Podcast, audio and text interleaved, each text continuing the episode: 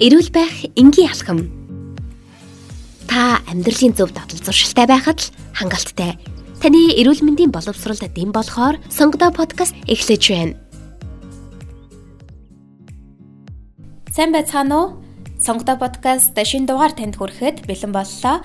Өнөөдрийн зочноор Сэргэн засалчимж Хишиг Аяр наттай хамтдаа сонсогч та бүхэн мэдээ мэдээллийг хүргэх гэж байна. Танд энэ өдрийн мэндийг хүргэе. Энэ өдрийн мэнд хүргэе. За баярлалаа. А өнөөдрийн ярилцах сэдв бол нурууны мөрөлт гэсэн сэдвийн хүрээнд ярилцах гэж байна. Нурууны мөрөлт гэхээр нилээн л газраас нилээн л их сонсогддог сэдв байна л да. Яг нурууны мөрөлт гэж юу нөөрөө яг юу юм болоо? Нурууны мөрөлт нь болохоор а нурууны яс маань баруун зүүн тал руугаа мөрийж хажуу талаас нь харахад урагш хоошоо мөрөөсөн нурууны эмгийгийг нурууны мөрөлт гэж яаж байгаа. А нурууны мөрөлт нь болохоор дотроо хоёр янз байдаг. Олдмол болон төрөлхийн гэж хоёр янз байдаг. За энийг болохоор тухайн хүнд болохоор мэддэхгүй байж болно. А хүний нүүрний хэлбэр өөр өөр байдаг шиг нурууны мөрөлтийн өнцөг бол чиглэл нь хувь хүндээ өөр өөр илэрч ирэлдэг өөр өөрөөр илэрнэ гэсэн үг шүү дээ. Илрэх шинж тэмдэг нь яадаг гэсэн үг. За өөр өөр гэдэг нь болохоор градус өнцгөө нурууны градус өнцөг нь өөр өөр гэдэг гэсэн үг. За илрэх шинж тэмдгүүд нь бол адилхан байгаа. За ихэвчлэн хүүхдүүдэд илэрдэг, бага насныханд илэрдэг.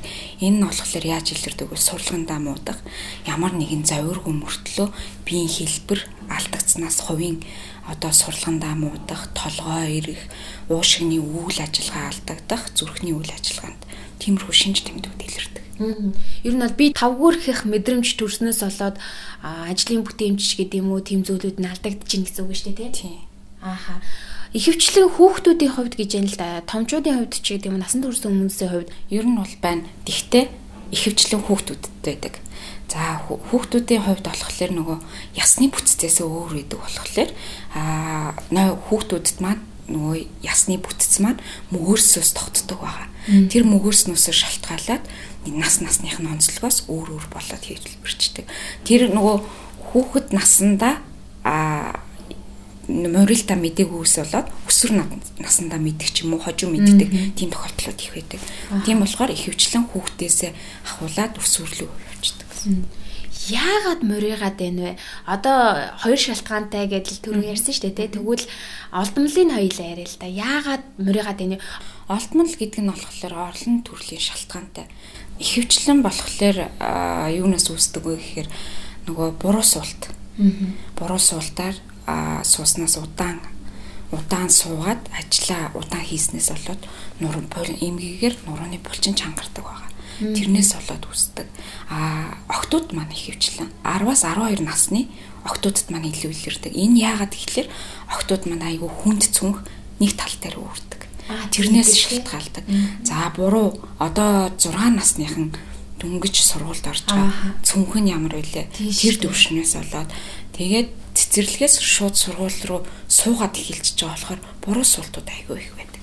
Тэрнээс үүдэлтэй. Тэгээд ясны хугарлууд байдаг ялангуяа сэр нурууны хугарал уг болон сэртэнгүүдийн хугарал хавирга хоорондын хавирганы буруу бороолтуудаас болдог хугарлуудаас тэрнээс үйлдэлтэй үүсдэг. А нурууны морилта мэдхгүй одоо насанд хүрсэн ч гэдэг юм тохиолдол байдаг гэлээ шүү дээ тий. Энийг мэдхгүй удаан явах ер нь хэрэг аюултай вэ? Ер нь бол амархан ханаад үрдэг болно. Уушигны багтаамж багтана. А зүрхний үйл ажиллагаа алдагдана. За зүрхний үйл ажиллагаа алдагдахаар бүх эрдэс бодисууд ерөн цусны эргэлт багасаад даралтанд өөрчлөлт ордог гэсэн. Имчилгээний хувьд ямар байдаг вэ? Одоо ямар хэмжээд хандах хэрэгтэй вэ? Хүүхдээ жишээлх юм бол нуруунд жоохон эвгүй харагдаад байна да, биеийн хэлбэр нь жоохон өөр энэ да гэж санаа зовсон эцэг эхчүүд эсвэл өөрт нь тавгүй байгаа томчууд ч гэсэндээ эмнэлэгт хандлаа гэж бодоод одоо ямар эмнэлэгт ямар хэмжээд хандах хэвтэйгаа мэдгүй гэж алхал юм л да. Ихэвчлэн манай монголчууд хаана ханддаг гэхээр ер нь ингээд судлаад үзэхээр хаана ханддаг гэхээр үе мөч болон мис заслын эмчд их ханддаг. Энэ бол айгүй буруу. А үе мөчтний эмчд болохоор тухайн чиглүүлж өгдөг. Сэргэн засах эмч маань эмчилгээний төлөвлөгөө гаргаад эмчилгээний баг бүрэлдэхүүн яаж ээж а нурууны морилтын эмчилгээгээ төлөвлөгөөнийхөө дагуу явагддаг. А нурууныхаа морилтыг а онцлохын тулд заавал эрдэнтгийн зураг авахулсан байх хэрэгтэй. Эрдэнтгийн зургаар нурууны мөрөлтийг наривчилсан авахын тулд босоо болон хажууд талаас нь авахулсан байх хэрэгтэй. Тэр байрлалаас авахулсан зурагнаас шалтгаалаад нурууны үнцгийн хэмжээнээс нь өөр өөр шалтгаалж имчилгээнүүд нь өөр болоор бичдэг. Хамгийн түрүүнд сэргийн засах хэмжид хандвал ер нь зүгээр. Ааха эмчилгээгээ хийлгэж агаад дундаас нь дутуу орхиод буцаад дахиад морьягч гэдэг юм уу бүр хөндрөх тохиолдол байдаг уу? Ер нь бол их хвчлэн тийм монголчуудын хувьд. За яагаад гэхээр нөгөө тасгал хийхээс залхуурдаг. Гол нь энэ эмчилгээ чин морилт маань болохоор тасгалаар эмчлэгддэг. За тас хамгийн гол нь 20 одоо үнцэг гэдэг байгаа шүү дээ. Тэр үнцэг маань 20-оос дээшээгээ тохиолдолд ямар ч имчилгээ байхгүй мис заслын заалтанд орчдөг байхгүй юу? Мис заслын заалт орохоор гадны бит орохоор хүний бит тийм таалтад орчин биш. Тийм болохоор тэрнээс уршлан сэргийлэхийн тулд заавал хөдөлгөөн засалж болон сэргийн засах эмчийн хяналтанд тасгалаа хийж тогтмол эмчилгээнд явах юм бол нурын нурууны мөрөлт ч юм аа идэгдгийн. Аха бүр идэгрэх боломжтой. Боломжтой насны онцлог э, ер нь төлхөө хүүхдүүдийн хувьд э, зөнгөлн тохиолдож байгаа гэсэн шүү дээ тий. Насны онцлогийн талаар та бидэнд бас дэлгэрэнгүйгээр мэдээлэл өгөөч. За ер нь бол нөгөө нурууны мөрөлт маань хүүхэд наснд хамгийн анх илэрдэг. Тэрийгэ хүмүүс айгүй мэддэг.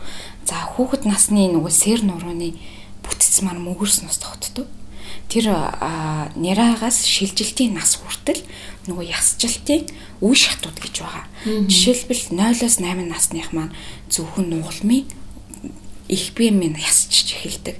За тэгээд 9-оос 14 насных болохоор нугалмын уг болон сэртэн маань ясчдаг. За 15-аас 17 буюу шилжилтийн наснд болохоор бүрэн нөгөө ясчаад эхэлсэн байдаг. Энэ үед яг нөгөө хүүхдэд анхаарал тавиад тавиад авах юм бол нурууны мөрдөлтөөс уршлан сэргийлж чадна.